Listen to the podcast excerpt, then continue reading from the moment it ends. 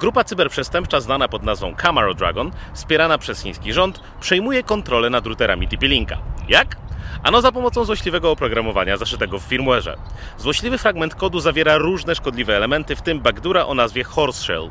Według badaczy z Checkpointa te złośliwe komponenty zostały odkryte w zmodyfikowanym oprogramowaniu urządzeń TP-Link, ale są one niezależne od konkretnej wersji firmware'u czy producenta i mogą być używane znacznie szerzej. Nie wiadomo jeszcze, jak dokładnie te dodatki są instalowane w zainfekowanych routerach, ani jak są wykorzystywane w rzeczywistych atakach. Jednak badacze sugerują, że hakerzy prawdopodobnie wykorzystują znane podatności w celu uzyskania dostępu lub atakują urządzenia z domyślnie słabymi hasłami. Więc jeżeli chcecie zostać częścią botnetu, to nie aktualizujcie oprogramowania. Oczywiście waszych routerów. Prędzej czy później nie tylko wy będziecie z nich korzystać.